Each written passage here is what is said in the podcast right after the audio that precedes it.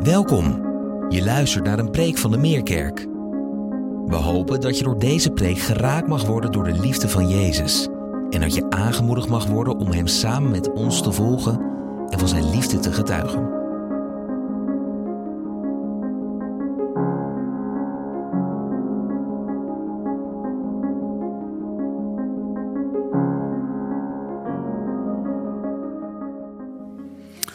Goedemorgen. Goed om eh, in jullie midden te zijn.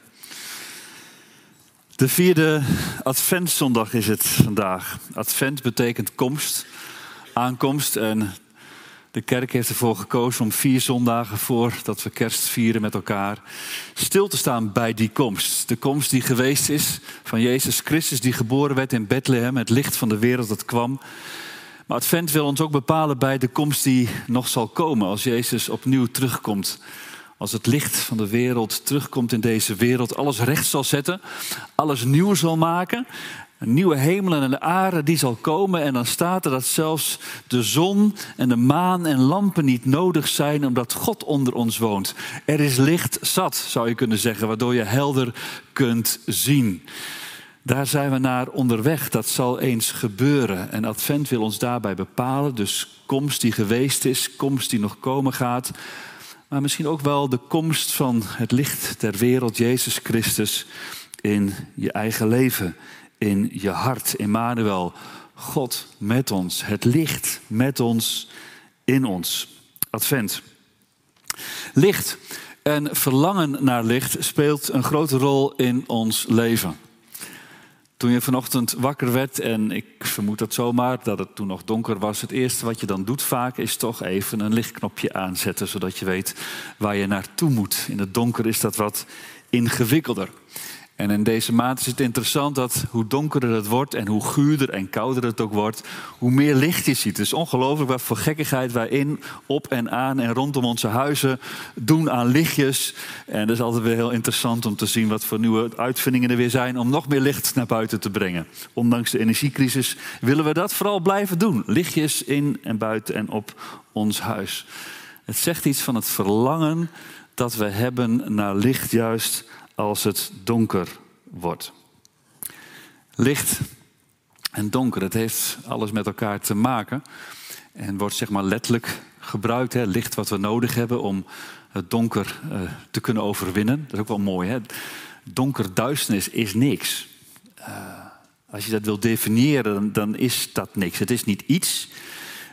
Duisternis definiëren door te zeggen dat het te maken heeft met het ontbreken van licht. Er ontbreekt iets. Duisternis is niets.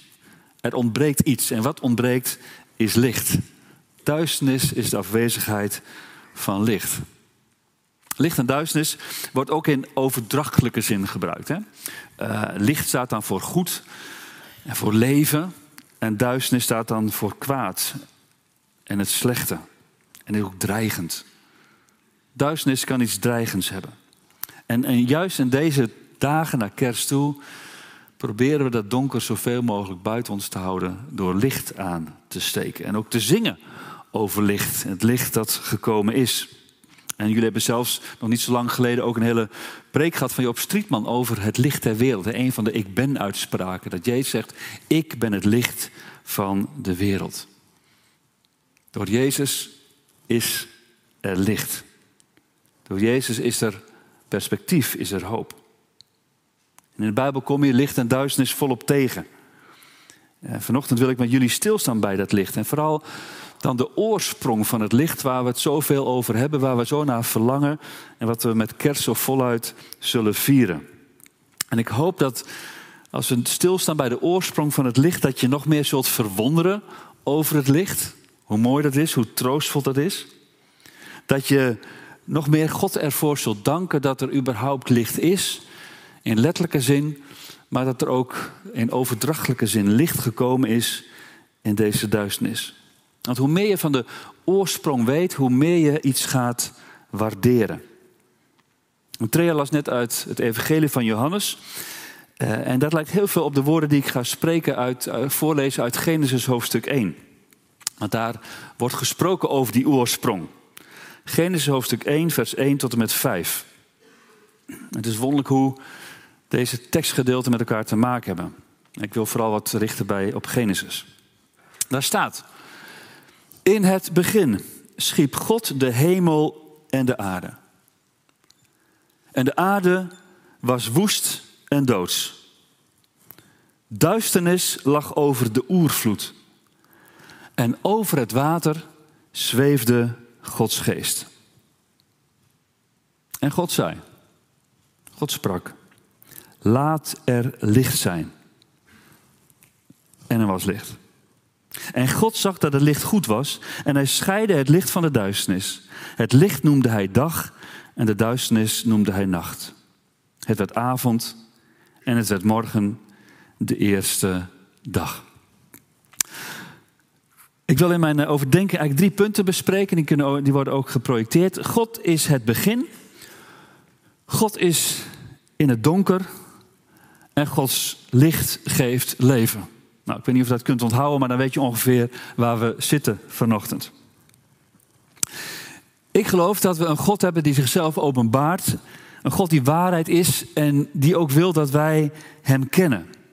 En er daarom voor gezorgd heeft dat ook de tekst die ik net gelezen heb uit Genesis bij ons gekomen is. Om iets te laten zien van wat waarheid is, van wat klopt.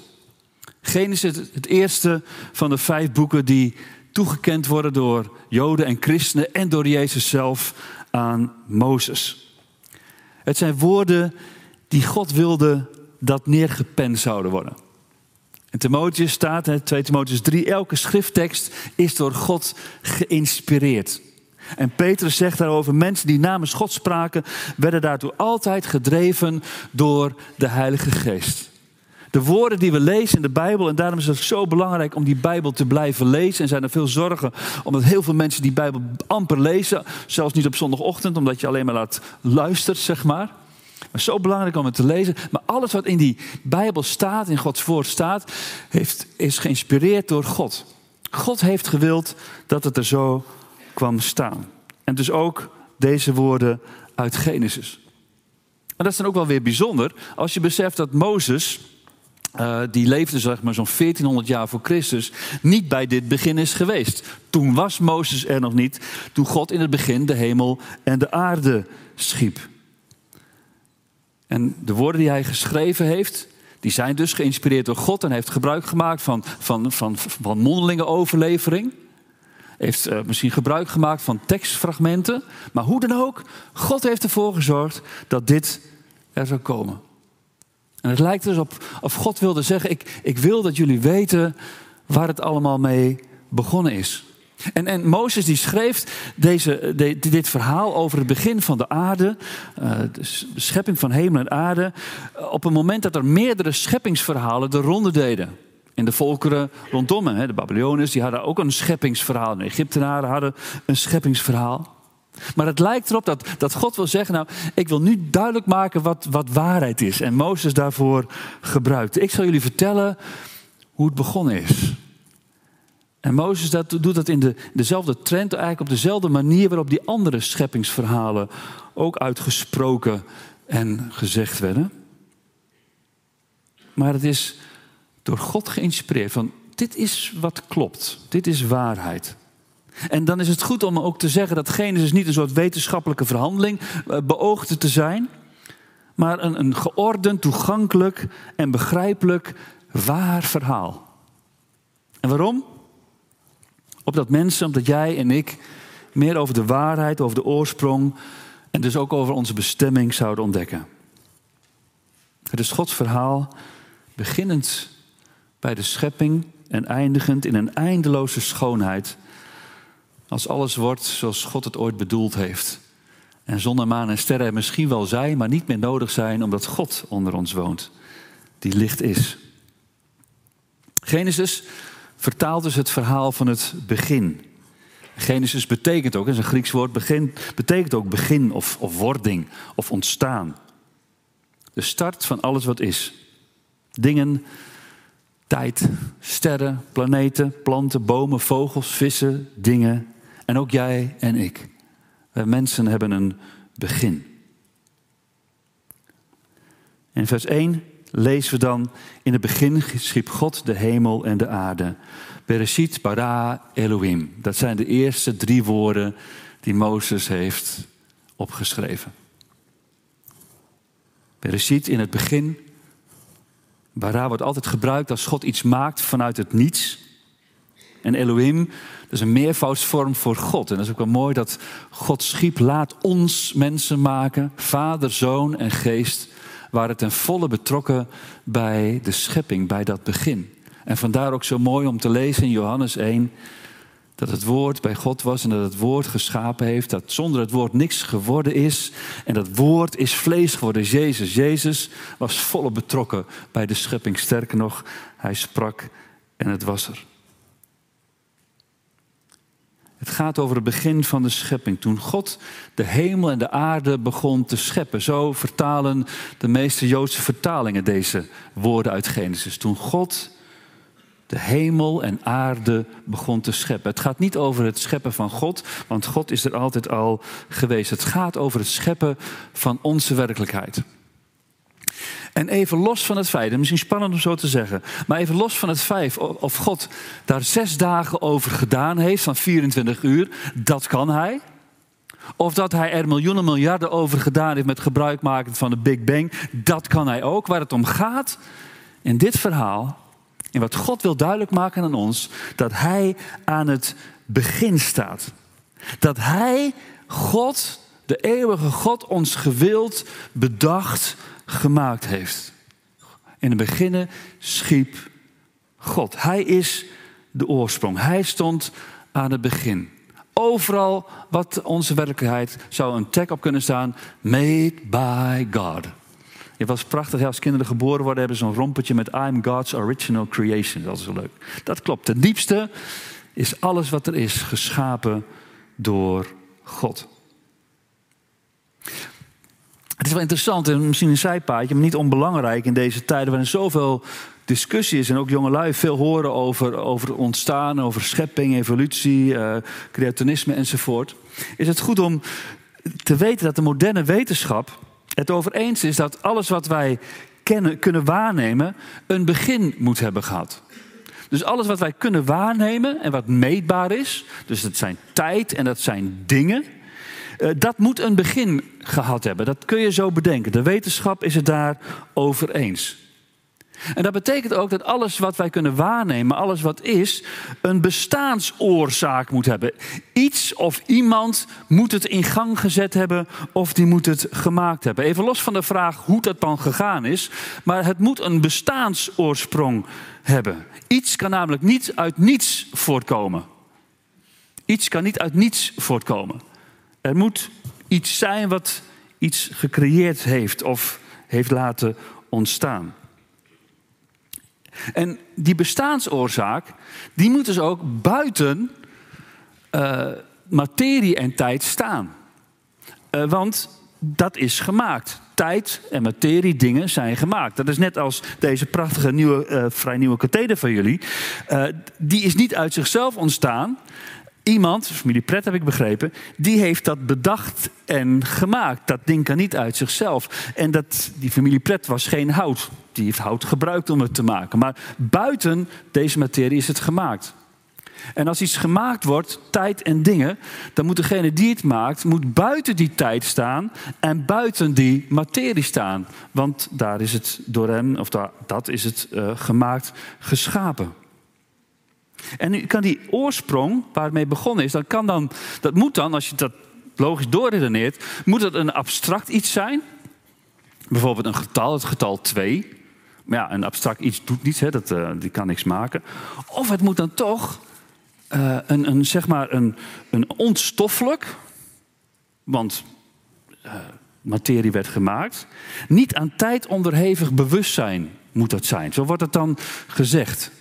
Dus het moet iets van buiten geweest en die iets gemaakt heeft, tijd of materie, en die zelf niet tijd of materie was. Dus niet iets dan, maar iemand. En de Bijbel leert, dat is zo prachtig. De Bijbel zegt, ja, dat klopt ook. Dat was niet een, een getal of een abstract iets. Dat is daadwerkelijk een bewustzijn geweest die niet aan tijd en materie onderhevig geweest is. En dat is God. De eeuwige, onzienlijke. Die niet te pakken is, die geest is, die eeuwig is. Die er altijd al geweest heeft en buiten de tijd staat en buiten de materie staat. En die God heeft jou en mij als mens gewild. Wij zijn het idee van iemand. God staat aan het begin van de oorsprong van alles wat is. Ja, het probleem is dan dat je die God niet kunt bewijzen. Want je kunt alleen maar iets bewijzen als de materie is of tijd is. Daarmee kun je iets bewijzen. En God staat buiten die tijd en buiten die materie. Maar daarmee is Hij er nog wel. God is er en bestaat en Hij is de oorsprong. Paulus zegt dat ook in Romeinen. Je kunt God niet bewijzen in die zin. Maar zijn onzichtbare eigenschappen zijn vanaf de schepping van de wereld zichtbaar in zijn werken. Zijn eeuwige kracht en goddelijkheid zijn voor het verstand waarneembaar. Een beetje als dat je naar deze katheder kijkt of naar een heel mooi schilderij kijkt. Zeg ja, dit kan niet zomaar ontstaan zijn. Of een prachtige schilderij, dat kan niet zomaar toevallig ontstaan zijn. Daar moet iemand achter gezeten hebben die dat bedacht, gewild heeft, gecomponeerd heeft. Zo bij elkaar gebracht, al die kleuren, al die penseelstreken, tot een prachtig geheel. En Paulus zegt, ja, zo is het eigenlijk ook. Dat je kunt bedenken als je kijkt naar de schoonheid van de schepping, naar datgene wat is. Ja, dat moet wel iemand zijn die dat gemaakt, bedacht en gewild heeft kan niet zomaar ontstaan. Nou, en als dat dan klopt, ja, dan, dan heeft dat nogal betekenis voor jou en voor mijn leven. Dat betekent dus dat jij, om wie je bent, dat dat niet toevallig is. Maar dat jij persoonlijk, en je mag je eigen naam invullen, dat je gewenst bent, gewild bent en bedacht bent door de Allerhoogste God. Jij bent zijn idee. Jij bent Gods idee. Wat andere mensen ook zeggen, wat jij ook tegen jezelf zegt. Maar jij bent door God gewild, bedacht en gewenst.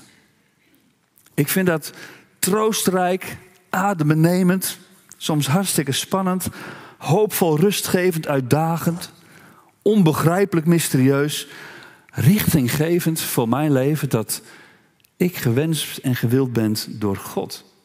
En dat God bedacht heeft dat ik als mens mag wonen in zijn schepping. Maar daarvoor heeft hij de schepping gemaakt. Dat lezen we in Jezaja 45. Dit zegt de Heer, die de hemel geschapen heeft. Hij is God, de enige, die de aarde gemaakt en gevormd heeft en die haar heeft gegrondvest. Niet als chaos schiep hij de aarde, maar om te bewonen heeft hij haar gevormd. Ik ben de Heer, er is geen ander. Om te bewonen heeft hij de aarde gevormd. In het begin schiep God de hemel en de aarde, opdat de aarde bewoond zou worden, onder andere door jou en door mij. Dat is zijn idee. En God wilde bij monden van Mozes duidelijk maken wat de oorsprong, het begin is van ons bestaan. En Mozes gaat verder. De aarde was woest en ledig. Tohu waho. En duisternis lag op de oervloed. Moet je je voorstellen, hè?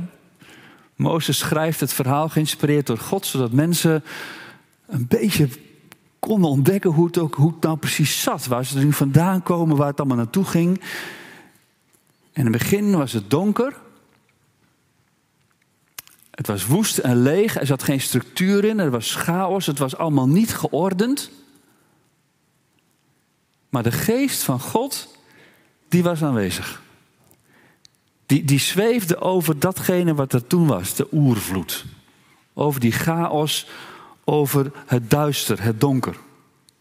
Wel mooi om te weten dat het donker niet zozeer een plek is in dit geval van iets, iets heel kwaadaardigs, iets duivels of zo. Nee, het was gewoon een soort de beginsituatie voordat de hemel en aarde uh, geschapen werden.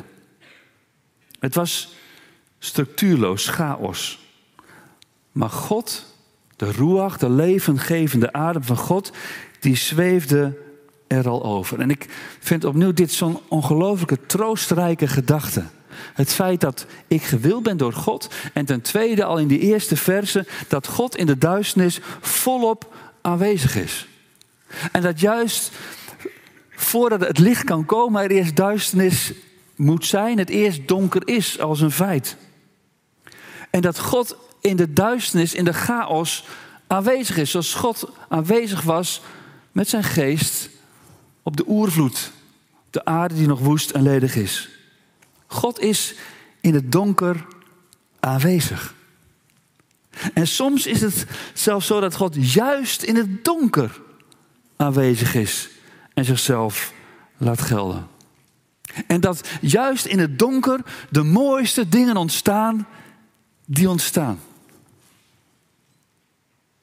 Wij zijn allemaal, niemand uitgezonderd, in het donker gevormd.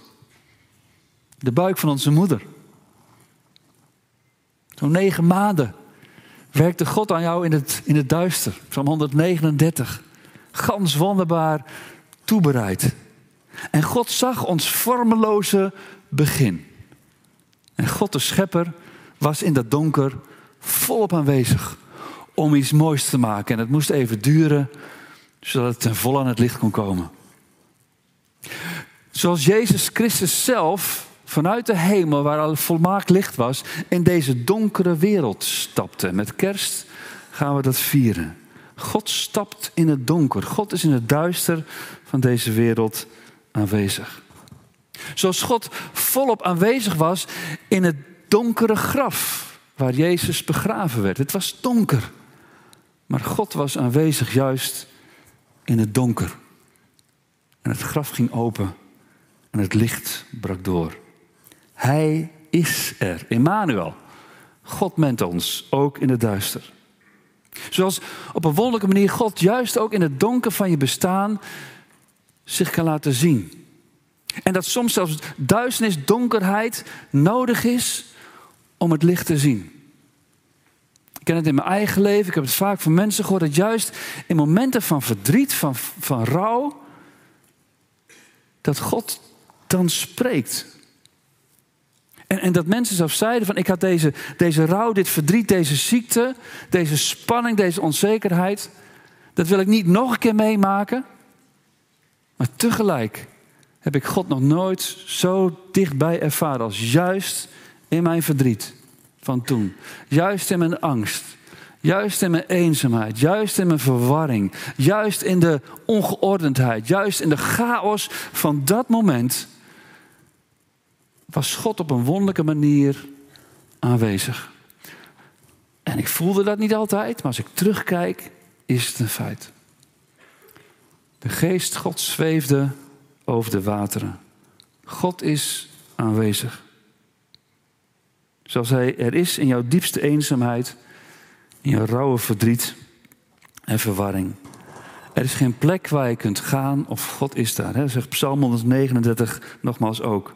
Hoe zou ik aan uw aandacht ontsnappen? Hoe aan uw blikken ontkomen? Klom ik op naar de hemel, u tref ik daar aan. Lag ik neer in het doodrijk, u bent daar. God is aanwezig in het duister en het chaos van jou en van mijn leven.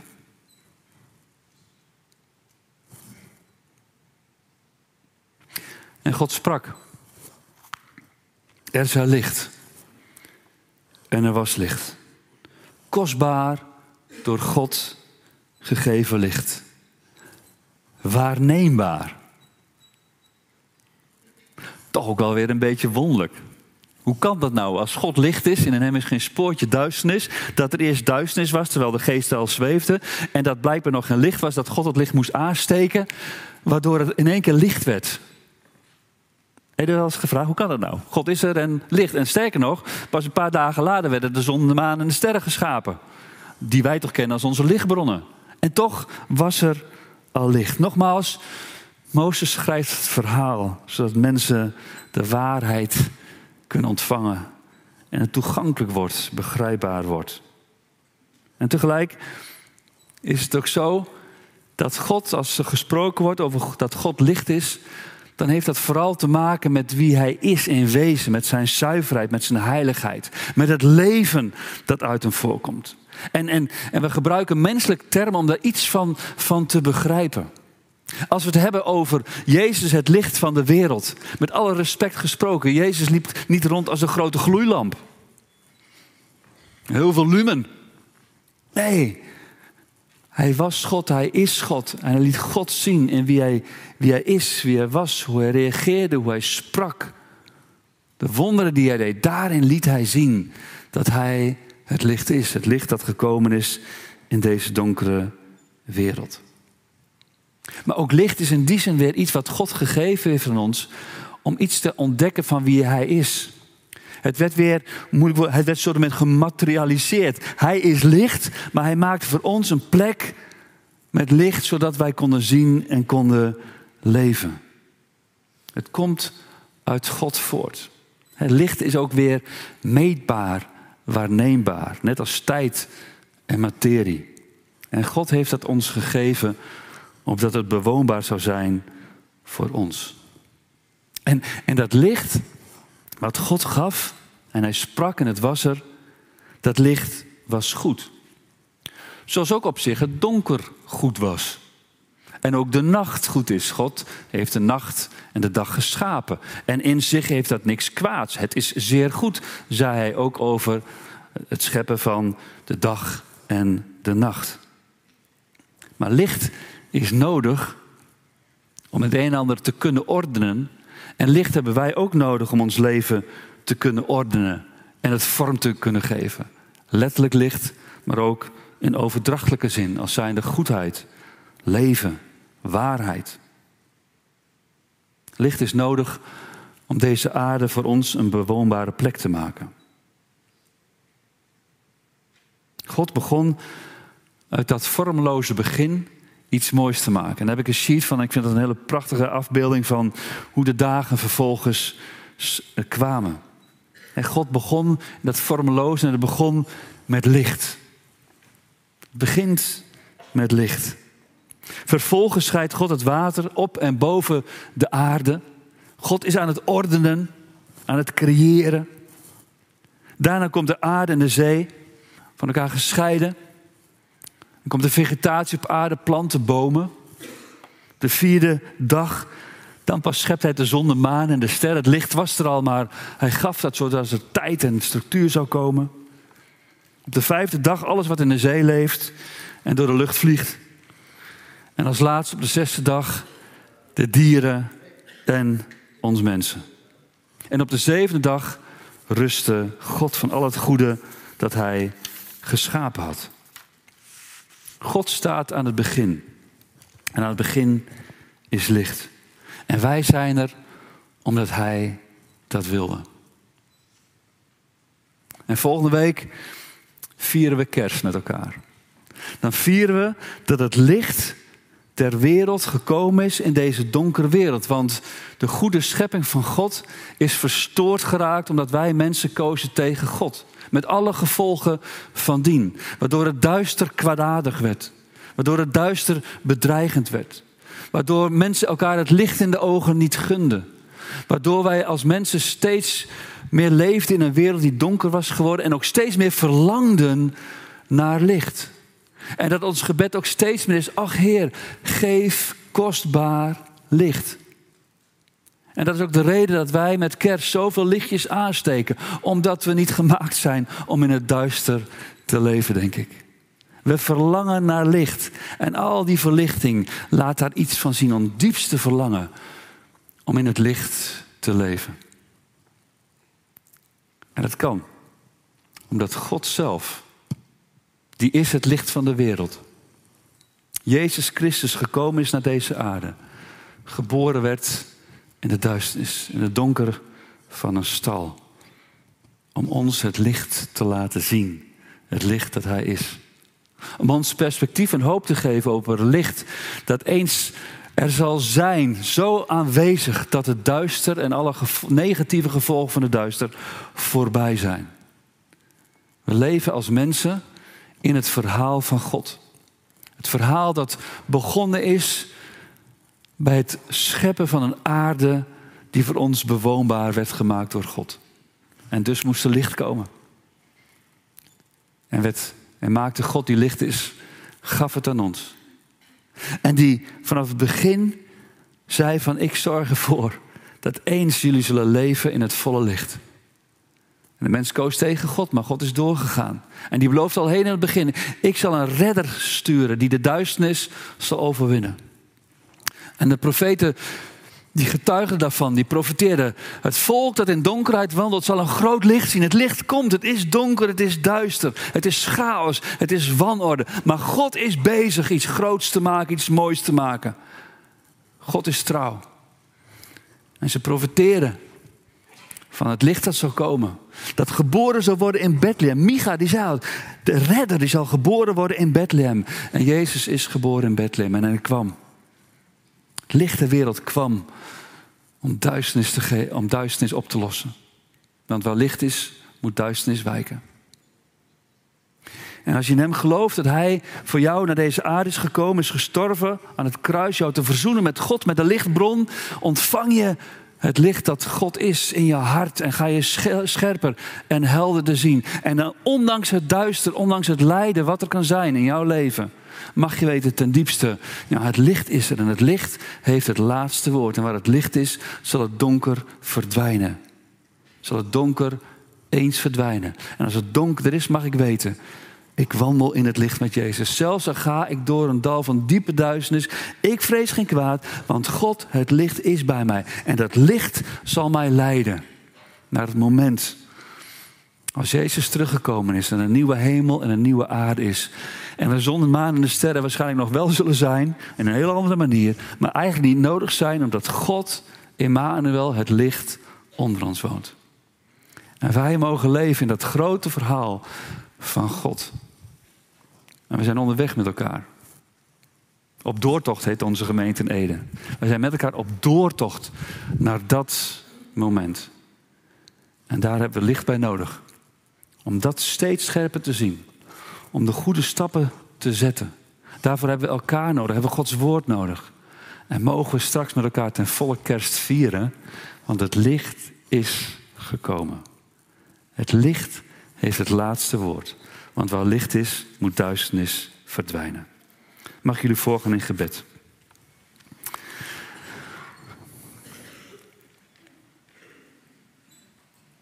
Nog voor de bergen waren geboren, voor u aarde en land had gebaard, bent u God van eeuwigheid tot eeuwigheid.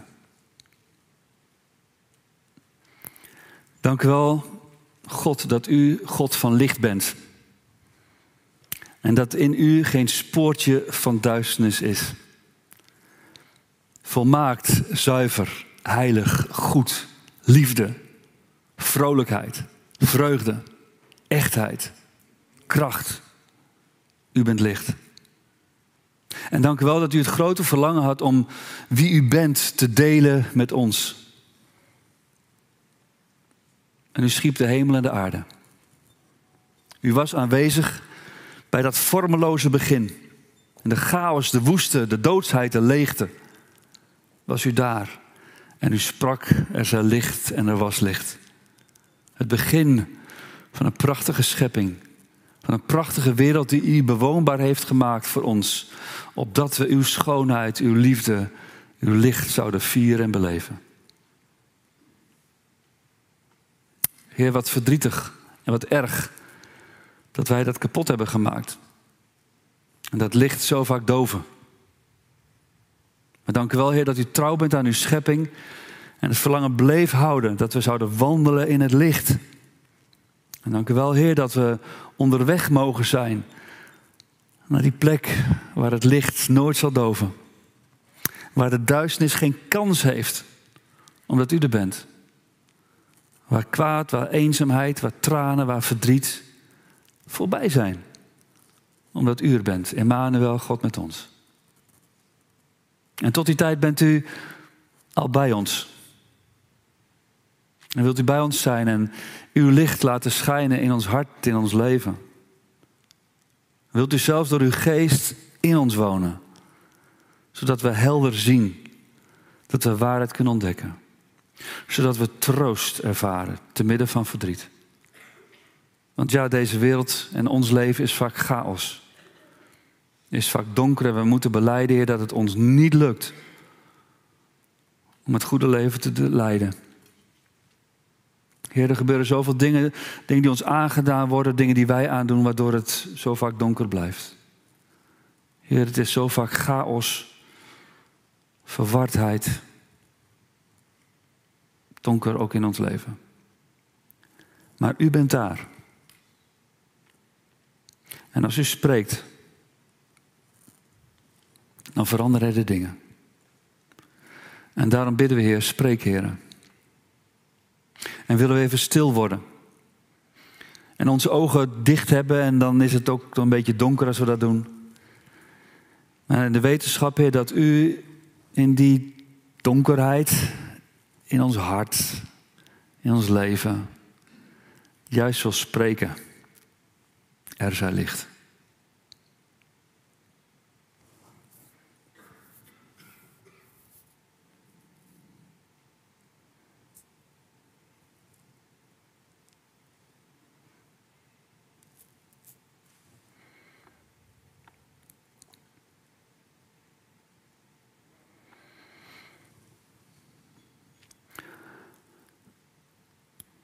O Heer, geef ons dat kostbare licht. Het licht dat we uit onszelf niet meedragen, maar wat we nodig hebben van U. En dank u, Heer, dat U het wil schenken. En dat U het geschonken heeft in Uzelf. Jezus, U bent het licht van de wereld. U stapte in onze duisternis. En nu kunnen we zien wie u bent. En mogen we weten dat er een toekomst is. Wat hebben wij een reden om met elkaar kerst te vieren als een groot feest? Persoonlijk, zelf, maar ook andere mensen daartoe uit te nodigen. Want er hoop is. Omdat het licht sterker is dan het donker van het hier en nu. We prijzen uw naam ervoor. Amen.